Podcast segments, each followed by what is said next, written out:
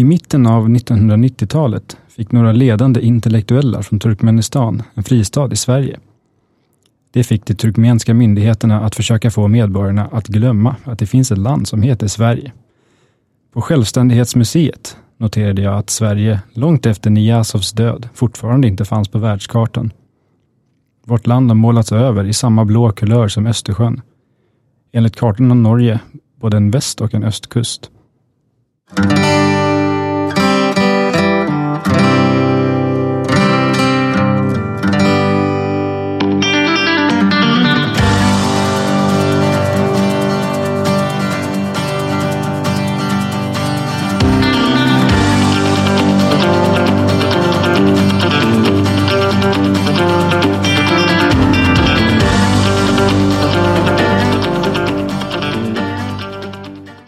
Välkomna till Geografipodden. Podden där vi sätter rummet i centrum. Citatet ni hörde i början här, eh, det är inte mitt eget. Det är inte jag som har varit på Självständighetsmuseet i Turkmenistan. Har du inte? Nej, Nej. det vore i och för sig intressant. Men Mm. nej, det kommer från eh, boken Berättelser från ett land som inte finns av Torgny Hinnemo. Mm. Han har varit på Självständighetsmuseet i Turkmenistan och på massa andra platser i forna Sovjetunionen. Mm. Och det här passar in i dagens avsnitt eftersom vi ska prata om Centralasien. Ja, alltså det, det här blir ju liksom första avsnittet i, om man nu ska kalla det för en serie, av eh, regionalgeografiska avsnitt. Ja. Så får vi förklara lite vad vad som menas med regionalgeografi, vad det handlar om. Mm. Eh, Men först ska vi berätta lite om vår nya samarbetspartner. Ja. Det här avsnittet presenteras i samarbete med Kartbutiken. De hjälper dig att inte gå vilse i det geografiska rummet. För hos Kartbutiken hittar du nämligen hela världen i en butik. De har Sveriges största sortiment av kartor, reseguider, jordglober, sjökort och mycket mer. Jag köpte till exempel en vägkarta över Irland när jag var där för ett par år sedan. Vad har du köpt där? Jag har köpt ett gäng vandringskartor. Så oavsett om du planerar en resa eller vill köpa inspirerande och lärorika presenter så har kartbutiken de kartor och böcker du behöver. Bland annat så tänkte jag köpa eh, Carta Marina, en eh, 1500-talskarta med massa sjömonster som present till mig själv. Så besök butiken på Mäster Samuelsgatan 54 i Stockholm eller handla online på kartbutiken.se. Och du kan också ange rabattkod geografi med stora bokstäver. Antingen direkt i butik eller på webbutiken så dras 10% av på ett helt köp.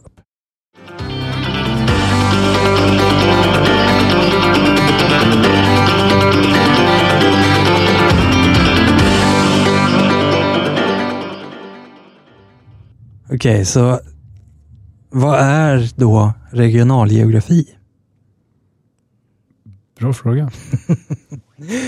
Eh, ja, vi, vi nämnde det ju då i vårt absolut första avsnitt. Och tanken med regionalgeografi är väl att man avgränsar sig till ett visst rum och beskriver eller undersöker alla geografiska faktorer inom det området. Ja, ungefär så. Eh, Egentligen alla andra avsnitt som vi har gjort har varit mer, ja, man ska kalla det systematisk geografi. Jag vet inte, systematic geography på engelska i alla fall. Mm. Att vi riktar in oss på en faktor. Till exempel jordskred eller vad har vi gjort mer? Medicinsk geografi Ja. och kolla det överallt egentligen. Ja, precis. Det är väl, skillnaden blir väl liksom det, antingen så undersöker man det generella Eller så under, undersöker man det unika. Mm. Att generaliserbart kan vara väldigt intressant, men det som gör ett visst område till just det området kan också vara lika intressant. Ja, precis. Um, och det blir ju inte att, det går ju inte att gå in på allt såklart Nej. i en region.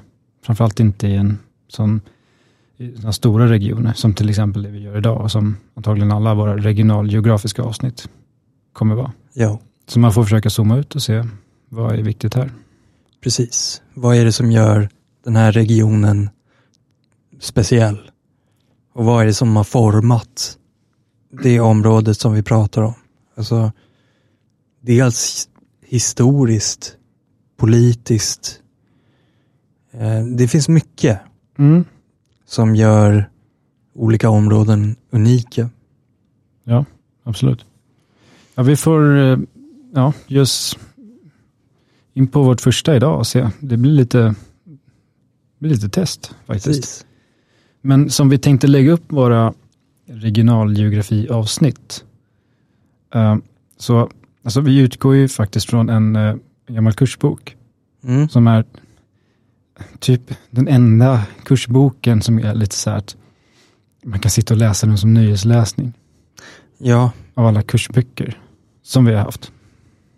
ja, alltså den här, den här boken är ju lite mer övergripande skulle jag säga jämfört med andra böcker.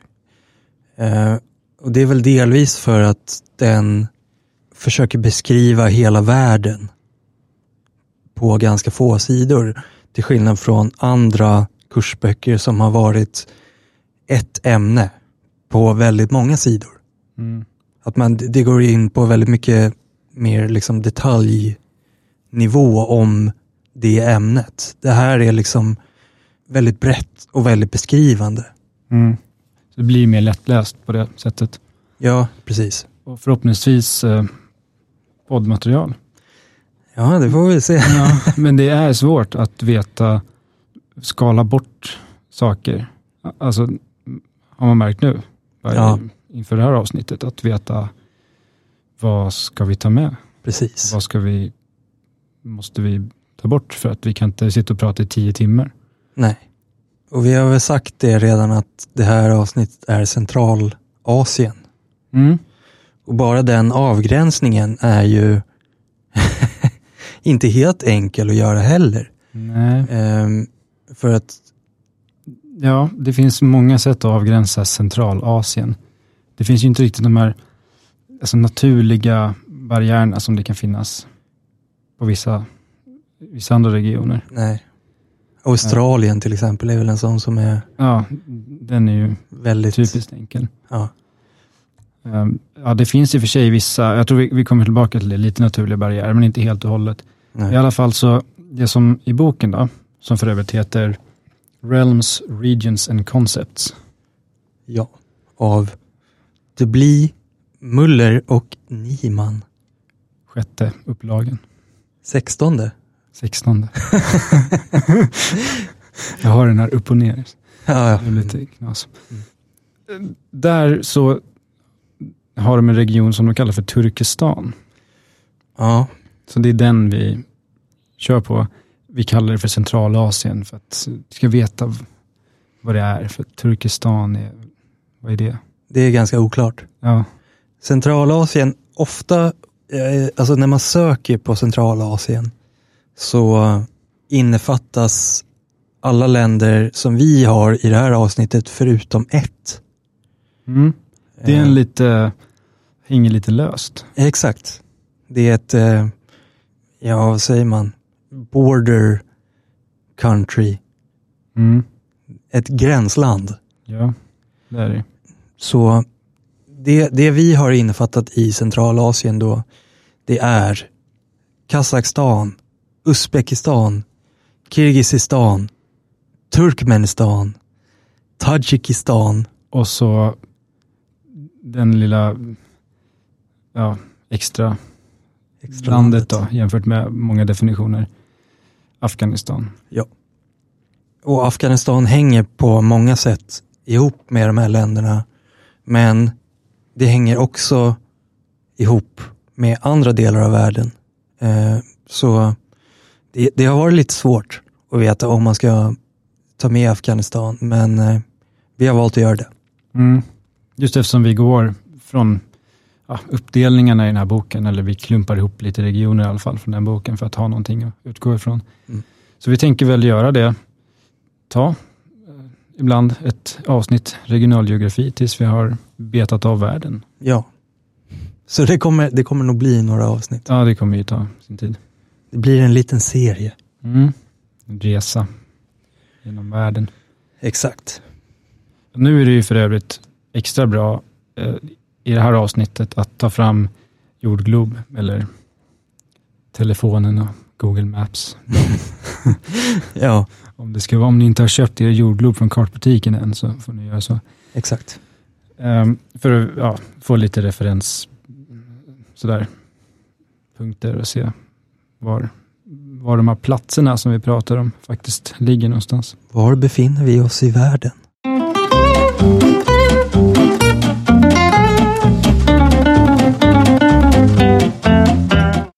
Um, Okej, men eh, i uh, Regions-boken, så när de inledde själva avsnittet om den här regionen, så bara radar de några meningar om varje land eller stat som är del av regionen. Mm. Så vi kan ta dem bara för att se vad de lyfter fram som en så här, typ huvudsaklig punkt för varje land. Absolut. Kazakstan är större till ytan än de andra länderna tillsammans, men ligger längs med en betydande etnisk transitions, transitionszon. Mm. Okej. En av de få sakerna jag vet om Kazakstan är att det är det nionde största landet i världen. Mm. Vilket ändå är ganska, Stort. ja, det är ganska, ändå ganska högt upp på rankingen. Mm. Och den här etniska transitionszonen då är ju en, längs gränsen till Ryssland. Ja. Det bor många ryssar i norra Kazakstan. Mm. Eh, Turkmenistan är relativt stängt och diktatoriskt, men har en viktig front mot Kaspiska havet och gränsar både Iran och Afghanistan. Mm. Eh, eh, ja, en intressant grej som jag har läst om lite grann med Turkmenistan är ju att de är det enda landet i världen som är erkänt som permanent neutralt. Mhm. Vilket, ja, det, det kanske vi ska komma in på lite senare. Det Mm. är en komplicerad term. Ja, men vi, vi kan säkert återkomma till det. Mm. Eh, Uzbekistan, det är den mest folkrika staten och ligger i hjärtat av regionen. Ja, vad kan man säga där? Huvudstaden Tashkent är största staden i regionen. Mm. Ytan, alltså landets yta är inte, det är inte jättestort. Ja, det är mindre än Sverige. Men är mer folkrikt än Kazakstan. Mm, ungefär 33 miljoner människor bor i Uzbekistan. Det är ganska mycket. För att vara ett land mindre än Sverige. Ganska Mm. mycket. Eh, det hänger mycket ihop med att eh, en dal i bergiga områdena i östra delen av regionen, Fergana-dalen, Mm. är en del av Uzbekistan. Även fast den inte riktigt sitter ihop med landet på något vettigt sätt. Ah, okay. Det kommer vi också tillbaka till tror jag. Eh, Kirgizistan är klämt mellan mäktiga grannländer och är kroniskt instabilt. Ja, Det kan man nog lite grann säga om alla de här länderna. ja, absolut. Men kanske extra mycket om Kirgizistan. Då. Tadzjikistan är regionalt och kulturellt uppdelat och slitet av stridigheter. Mm. De har ju haft inbördeskrig och sen en insurgency. Så generellt ganska instabilt inom sina egna gränser. Och sist men inte minst Afghanistan var inte en del av eh, Sovjet, vilket de andra staterna var. Ja, just det. Präglat av nästan ständiga krig sedan det invaderades av sovjetiska styrkor 1979. Mm. Så att eh, Sovjet var där och härjade lite grann också. Ja. Och det har ju andra världsmakter gjort också. Mm. USA då bland annat. Ja, de har ju det. Ja, men det är de här länderna vi har att jobba med idag. Då. Mm. Ska vi gå in på lite kulturgeografi? Mm. En grej som man ganska snabbt kommer i kontakt med, bland annat om man läser boken Regions då, är det som är som en etnisk mosaik. Ja, det finns ju en, eh, en karta över folkgrupperna i regionen, bland annat i boken, Ja, som eh, ja, visar ett jätte så här, komplext mönster. Och då skriver de ändå att det här är en förenkling av situationen. mm, Men det är ju tio olika här, färger som är olika folkgrupper som är spridda överallt. Och olika, alltså de då som räknas som usbeker, bor i alla länder och sådär. mm. Alltså, om, när man ser den här kartan så kan man ju förstå varför de använder ordet mosaik. För att det blir, alltså när man ser det så, på en karta på det sättet, så blir det verkligen som en mosaik. Att det är inte överhuvudtaget egentligen bundet till stat, statsgränserna, utan det är väldigt, väldigt mycket mer komplicerat än så. Mm. Inte minst då i eh, Afghanistan. De har inte ens någon eh, majoritetsbefolkning. Nej. Vi snackar då etniska grupper. Eh, De har pashtunerna som är den största etniska gruppen. Som utgör drygt 40 procent av befolkningen. Mm. Annars så är det, det bor usbeker och tadsjiker och turkmener i Afghanistan. Och även eh, hazarer.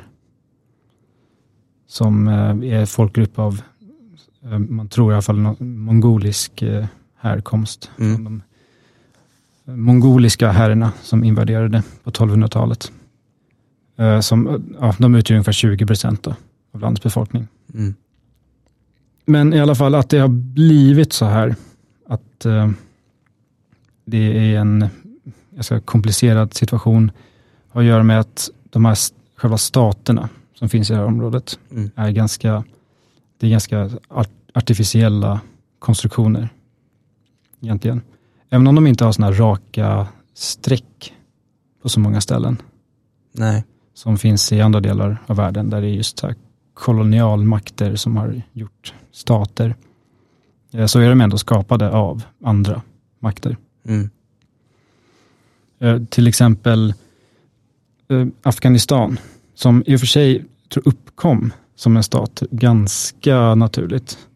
Men eh, ja, upprättshöll i alla fall som en stat av eh, Ryssland och Storbritannien då, när de höll på med maktkamp i Asien Mm. på 1800-talet. Tyckte de att det var väl rimligt att ha en buffertstat mellan sina områden. Mm. Det är väl det som kallas för the great game. Mm, just det, precis. De la till och med på en liten arm i hörnet av landet så att det når ut till Kina så man liksom klipper av de här ja, Indien och nuvarande Pakistan som var brittiskt från de ryska områdena Ja, å ja. andra sidan. Men i alla fall i, i det här området så under ja, väldigt lång tid fram till att de här kolonialmakterna kom och började styra och ställa så ja, det var dominerat av nomadiska folk. För det här är ju inga områden som är speciellt lätta att eh, odla. Nej. Så det har varit eh, så här, kringvandrande folk på steppen. Och eh, ja, som organiserade om sig i massa olika riken, men just så här lite klustrade till där det ändå finns någorlunda levnadsförhållanden runt vattendrag eller liknande. Mm. Och kanske utan så här jättetydliga gränser ofta, som jag fattar det. För att ja, man levde ungefär i det här området, sen är det en väldig massa öken och sen kommer liksom nästa kungadöme, eller Mm. vad det nu kallades. Eh, ja, fram till då att, eh, att det skulle delas in i stater så småningom. Eh, så när eh, de här områdena då blev eh, sovjetisk mark, Mm. så det som innefattar alla stater som vi pratar om utom Afghanistan, så då skulle det upprättas eh, stater av det här. Eller ja, delrepubliker i Sovjet. Mm. Det som ja, samma eh, utbredning som eh, länderna har idag. Men i alla fall, så det var ju massa arbete då för myndigheterna att bestämma var de här gränserna ska gå. Och eh, eh, Hinnemo som skrev boken som citerar i, i introt, han skriver att de skickar ut studenter för att intervjua befolkningen i de områdena där språken möttes för att avgöra var gränsen skulle dras. Vilket Okej. var en lite så svår uppgift och de stötte på massa dialekter som var närmast identiska och så ska försöka dra en gräns där vad som är vad som är Uzbekistan och vad som är Kirgizistan. Mm. Och eh, det blev massa gränser som gick ganska tvärt emot gamla, så här, gamla strukturerna som fanns i området. Vilket också kan ha varit en alltså medveten grej från Sovjet för att försöka skapa en sovjetisk identitet mer än att de gamla identiteterna skulle Mm. bevaras. För att ja, alla ska underkasta sig den nya staten som de tillhör. Um, vad de gjorde också var att se till så att de här då lokala språken som tillhör staterna, eh, så usbekiska eller tadsjikiska, mer, ja, och det, kulturen som hänger ihop med det blir mer alltså, systematiserat. Mm. Och eh, man införde kyrillisk skrift, alltså det skriftsystemet som ryska skrivs på, för att eh, ja, föra hela regionen närmre, mer in i Sovjet och bort från eh, ja, till exempel då Turkiet och Iran. För folkgrupperna som, eh, som eh, ja, bor här från början eh, kommer mestadels från det hållet. Men eh, hur var det med religion eh, i områdena innan Sovjet? Vet du det? Mm, ja, så det är ju det är ju muslimska områden, vilket har förts med, alltså med folk som kom från, alltså turkiska folk som Mm. kom från då sydväst ifrån och eh, eh, spred islam i området. Så det är ju det som härskar och det här försökte ju förstås Sovjet också ta bort så mycket som möjligt. De är inte jättestora fans av religion överhuvudtaget. Nej, verkligen. Och, och kanske framförallt i sådana områden där folk skulle kunna enas kring religionen istället för att vara goda sovjetiska medborgare. Just det. Kan, jag tänka mig. Eh, En annan grej som de gjorde där var ju att sätta den här Fergana-dalen, som jag nämnde, Mm. som är en ganska så här, tydlig eh, kärna i området. Den ligger längst ut i östra Uzbekistan. Det är en dal mellan så här, bergsområden som Mm. är ändå relativt då, bördig och så här, bra att leva, eller bra förhållanden Mm. jämfört med den här regionen i stort. Då. Eh, De satte den som en del av Uzbekistan, trots att den knappt sitter ihop med landet. Och det är så här en liten smal remsa som går över bergen, som Ja. knyter ihop det. Och den enda naturliga vägen egentligen från dalen till resten av Uz- Uzbekistan är genom, så att jag ser rätt nu, Kirgizistan. Blir det. Just för att förhindra att ett land växer sig starkt eller Mm. någonting för de ställer till det på lite olika sätt. Men det där känns ju som klassiskt, eh, alltså det är som man kan se med infrastruktur i alltså många kolonialstater. Mm. Att det är inte gjort för befolkningens bästa utan det är gjort för centralmaktens bästa. Mm. Ja, det finns ju ett arv från hela det här, Mm. den här tiden. Eh, Vad man också kan se om man zoomar in längs gränsen, eh, ja, längs flera av gränserna, bland annat mellan Uzbekistan och eh, Kirgizistan. Då, att det finns små, små eh, enklaver i de olika länderna. Alltså små, liksom, egentligen bara inringade byar på kartan Mm. som tillhör Uzbekistan, fast de ligger egentligen i Kirgizistan, Mm. eller i Tadzjikistan också. Det är de, mellan de tre länderna, tror jag, som de här enklaverna förekommer. Mm. Och eh, vi tar från eh, Hinnemos bok igen här. Så här skriver den att när de här staterna skapades så fanns det ja, invånare i vissa byar helt enkelt som bara vägrade att tillhöra ett visst land. Mm. Så då ja, fick de ge med sig. Fick de som de ville där. Ja. Och så ja, blir det lite speciallösningar där idag, att de får röra sig fritt genom det andra landet och lite sådär. Okej. Mm. Men det, det blir lite knasigt nu. Att det ska finnas massa små enklaver. Mm. Men om det spelar mindre roll när det var, alla var del av samma union. Så. Jo, exakt. Sen i alla fall, ja, så småningom så följer hela Sovjetstyret. Och det blir också lite konstig situation just här. För att de här länderna har ju inte varit stater på det sättet innan. Nej. Men eh, nu blev de ju självständiga stater med samma gränser som då Sovjet hade dragit upp som delrepubliker. Och eh, där kan man jämföra med de baltiska staterna till exempel, Mm. som också var en del av Sovjet. De var alltså nationer innan allt det hände. Så de hade någonting i alla fall att så här, gå tillbaka till. Alltså identitet som nation, typ. Det, det finns inte här. Men eh, alltså om man skulle jämföra det här området och liksom den här mosaiken av folkslag med eh, forna Jugoslavien till exempel. Mm. Vad, vad har vi där för likheter och skillnader? Ehm, ja, alltså jag vet inte riktigt. Det känns ju som att det är lite liknande situation i alla fall.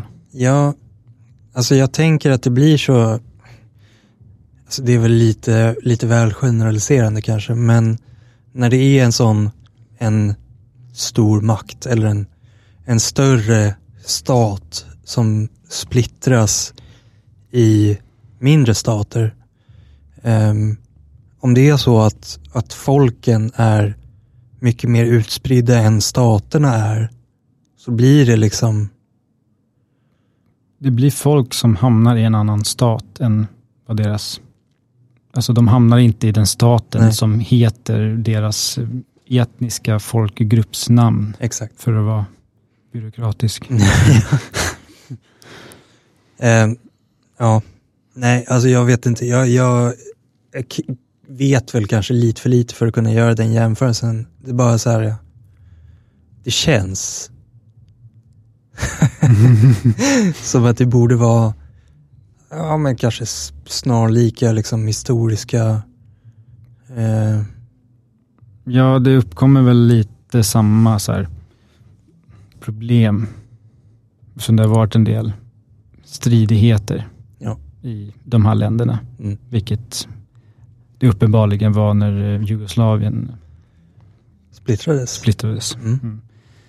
Eh, Men jag vet inte om de i Jugoslavien så här flyttade folk på så politiskt styrt Nej. som förekom i Sovjet.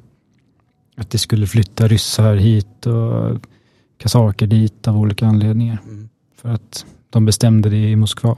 Ja. Det vet jag inte.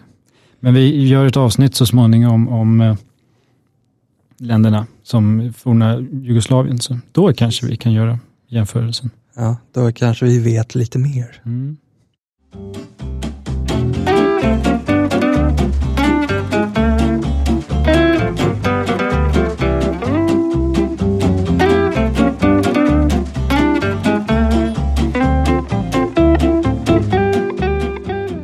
Om vi tar då ett exempel på där det faktiskt finns en eh, naturgeografisk eller en naturlig barriär som används som gräns mellan olika länder.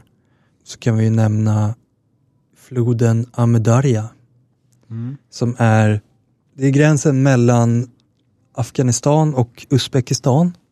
Majoriteten av gränsen mellan Afghanistan och Tadzjikistan och en liten del av gränsen mellan Afghanistan och Turkmenistan. Mm.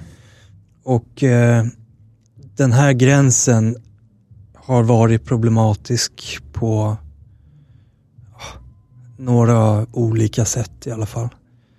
Eh, och bland annat så har eh, Uzbekistan eh, belamrat den här gränsen med taggtråd och minor och eh, allt Mm. möjligt. Eh, för att de har varit oroliga över eh, talibanernas framfart i Afghanistan. Ja, Okej. Eh, men det var också, om man kollar rent historiskt, mellan, mellan de här två länderna så finns det någonting som kallas för en Friendship Bridge. Som, Mhm. som egentligen är, alltså den är väl skapad egentligen mellan Afghanistan och Sovjet. Ehm, och det var där, över den här bron, som de sovjetiska trupperna lämnade Afghanistan för länge sedan. Okej. Men eh, Amu Darja är väl en av eh, två så här, huvudsakliga, eller en av de två stora floderna Mm. som rinner eh, genom ja, stor del av central, ja, den här regionen. Ja. Eh, den andra då är Syrdarja som ligger längre norrut. Börjar i eh, Kirgizistan. Den här har ju, alltså att Sovjet har kollapsat och att det har blivit eh, suveräna stater skapar problem med en sån flod som rinner från ett land ner till ett annat land och ut. Om båda länderna då använder och är beroende av det här vattnet. Som då till exempel i Syrdarja som börjar i Kirgizistan. De är intresserade av den här för att bygga dammar för vattenkraft. Det här, alltså bygger du en damm i en flod så försvinner ju mycket av flödet och de ja, behåller mycket av vattnet själva. Uh, Uzbekistan i sin tur är beroende av vattnet för att eh, odla bomull. Mm. Så där finns det ju, blir ju konflikter när, när det inte alltid är Sovjet längre och det är någon överordnad som bestämmer över det här. Så det är en konflikt. Det är en konflikt. Det finns faktiskt en annan eh, konflikt som eh, ibland har kallats för the world's strangest land grab. Om vi nu ska gå in på land grabs. Mm. Eh, det är ju då att eh, den här floden Amudarja, eh, den expanderar. Mm. Den eh, eroderar den afghanska sidan. Ja. Vilket gör att, eh, för gräns, gränsdragningen är liksom i mitten Mm. av den här floden. Och när den eroderar åt, alltså när den eroderar upp afghansk mark så blir den usbekiska sidan större och större. Ja. Eh, vilket har lett till vissa problem i, ja, i, på den här gränsen. Mm. ja, det är ju det är konstigt. Det är en, en märklig landgrab Ja. när man har vattnet på sin sida.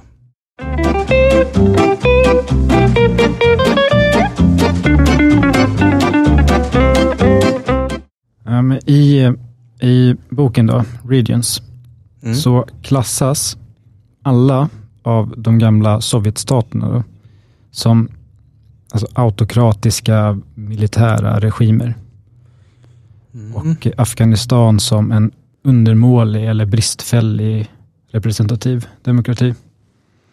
Eh, Så det finns ju sådana svårigheter i hela regionen Mm. egentligen. Om vi kollar på World Press Freedom Index.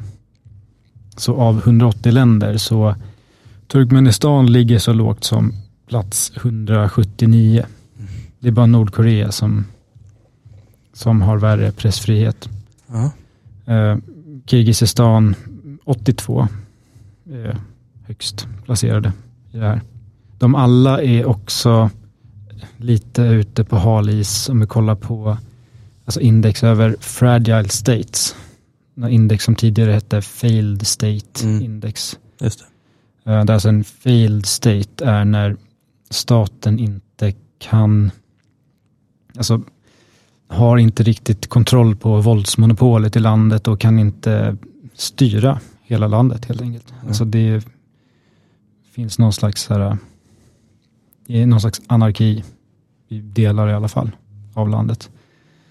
Eh, De enda som eh, rankas som stabila då är Kazakstan. Och då är stabil en slags mittenplacering i kategoriseringen här. Mm. Eh, där det är ja, några snäpp under högsta som jag tror för mig very sustainable eller någonting. De andra ligger på eh, Afghanistan är ett av de som ligger allra värst till i det här eh, klassificeringen över Fragile States Index på High Alert. Så det är tillsammans med några enstaka länder i resten av världen Mm. i, eh, i botten där. Eh, Turkmenistan på warning och de övriga länderna här som eh, på elevated warning. Ah, Okej. Så det är stater som inte riktigt har hunnit i då de gamla Sovjetländernas fall bli något stabilt ordentligt sen då de blev självständiga. Mm. Eh, här kan ju till exempel i Turkmenistan då, diktatorn Sapar Murat Niyazov, du nämnde i, i introt, nämnas. Som han var ledare eh, i landet då, eh, från att eh, de blev självständiga 92, 91, där någonstans, fram tills han dog 2006. Och eh, han var ju en av världens mest totalitära eh, diktatorer då Mm. som bland annat hade en, en gyllene staty av honom själv högst upp på ett högt torn i huvudstaden Ashgabat som roterade så att den alltid var vänd mot solen. Han gjorde också sin självbiografi till obligatorisk läsning i skolorna och döpte om månader och veckodagar så att de refererar till hans bok. Ja. Så, Mm. Det låter ju rimligt. ja. Och det var ju då också som de målade över Sverige på världskartan då, eftersom Mm. Sverige tog emot lite människor som inte tyckte om det där. Inte okej. Eh, Han är för övrigt efterföljd också av en, den nuvarande presidenten Gurbanguly Berdimuhamedov. Kort och enkelt namn. Eh, Som ja, fortfarande har ganska obegränsad makt i landet. Då. Eh, Som tillsammans med några andra världsledare, bland annat eh, Trump och Bolsonaro i Brasilien, fick the Ig Nobel Prize Ah, i medicinsk utbildning. Alltså ett, vad ska man säga, ett satiriskt pris mm.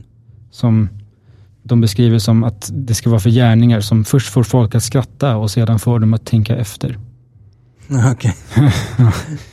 Eh, som delas ut på Harvard i alla fall.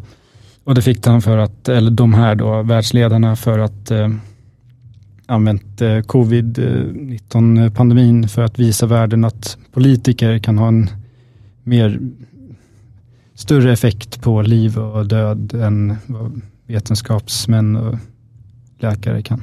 Mm. Så mindre lyckade insatser under Mm. pandemin Mm. kan vi tänka att de, de eh, motiverade det här priset med.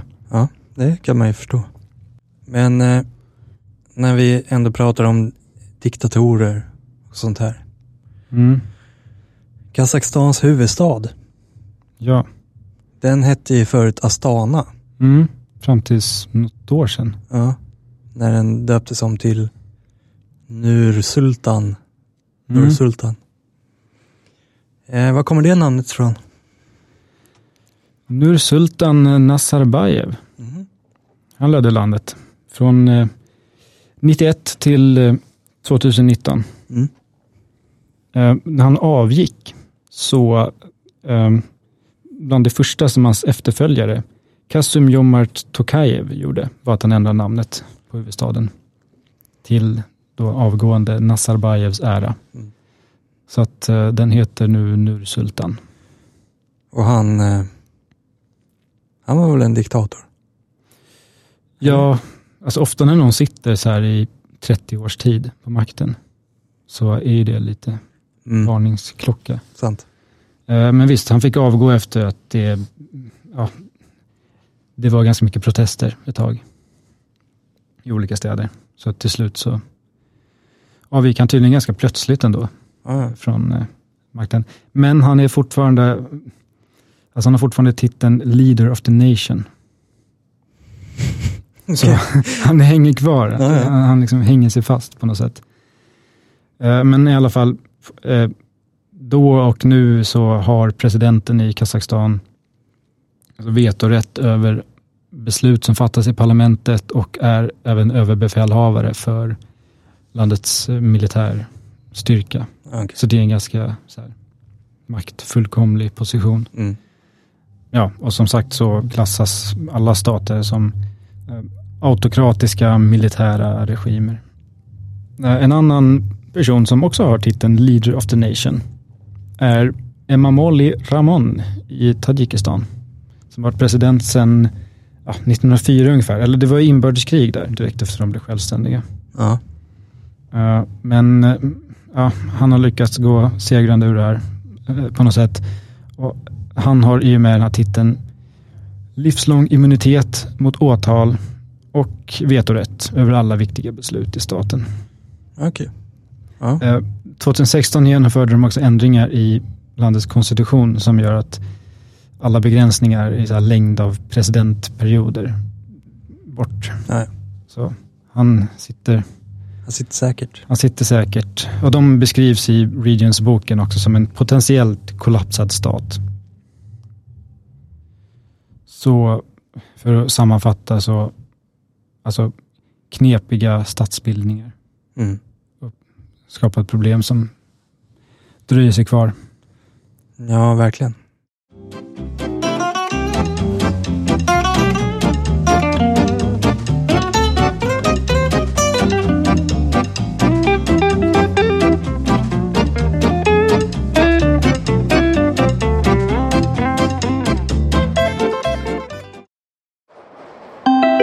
Nästa, Jakutsk. nästa, Kalahari. nästa, Djuphavet. Vilse på världskartan. Okej. Det här är då första upplagan av det omarbetade geografiquizet.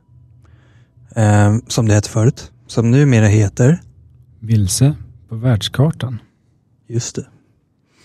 Det är omarbetat på så sätt att det har bytt namn. Eh, ja, det är, det är exakt samma format fortfarande.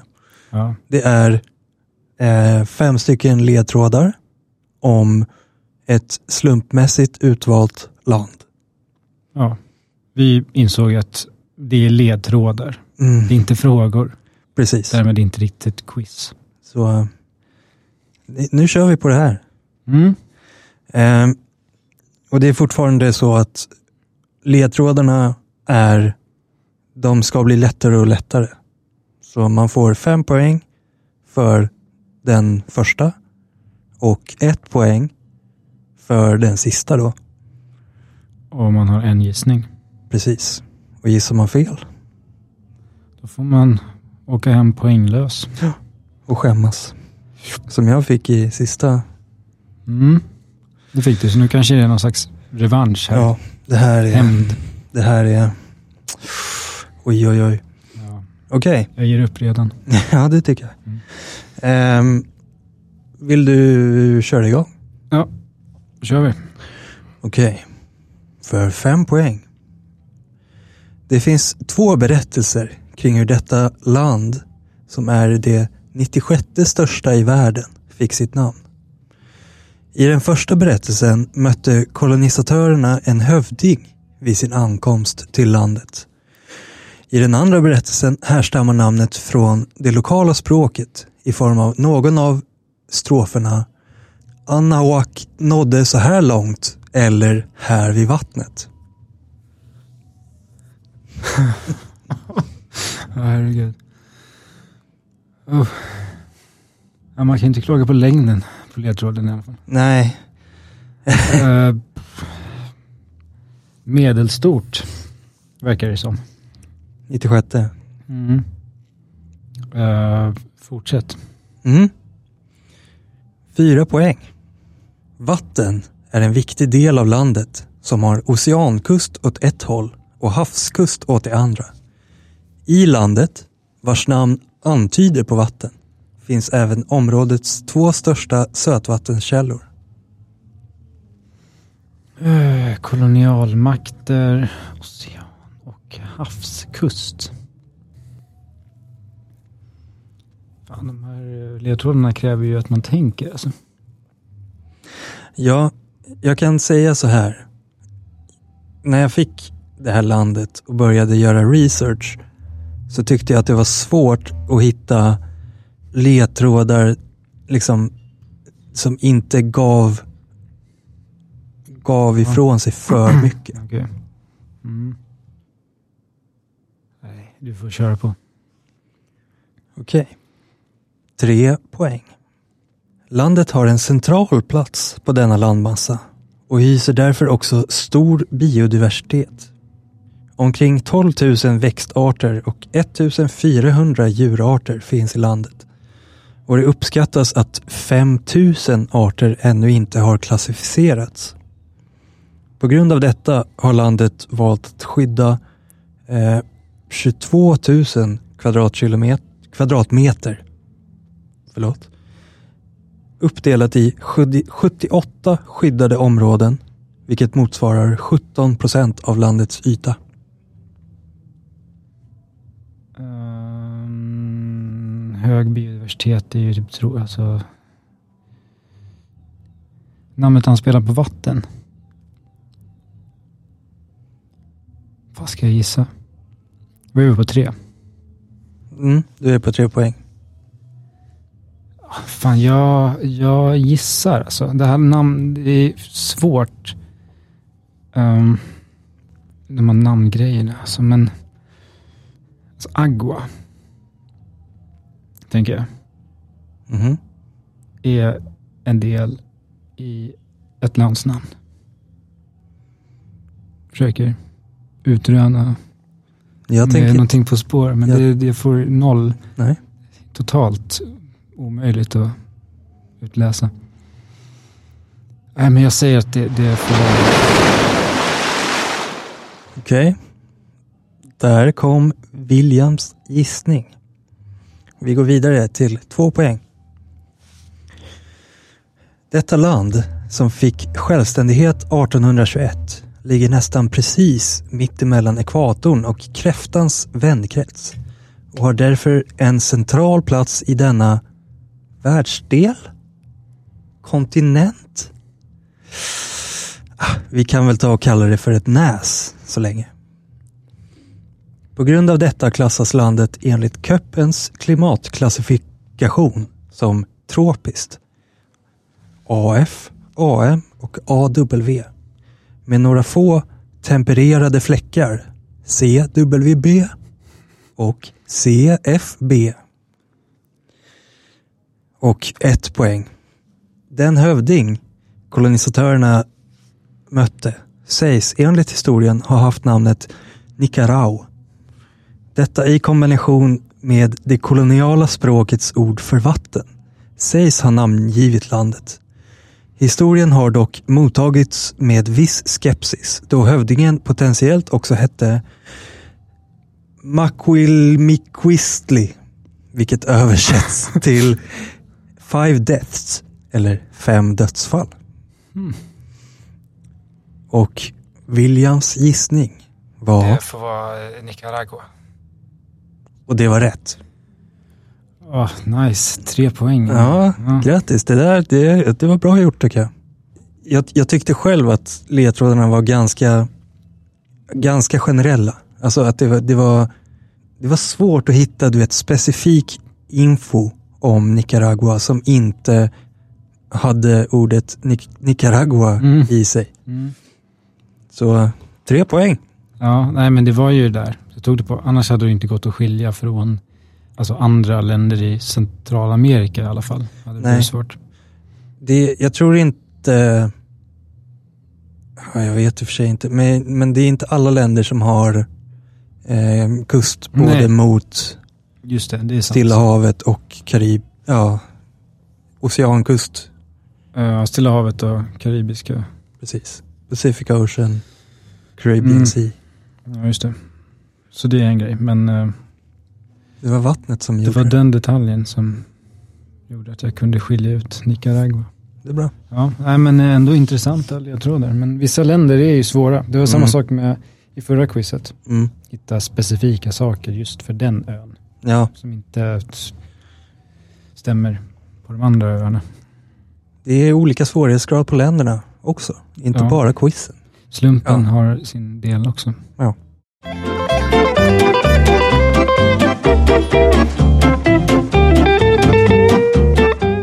Okej, så jag tror vi eh, tar och bryter där för idag va?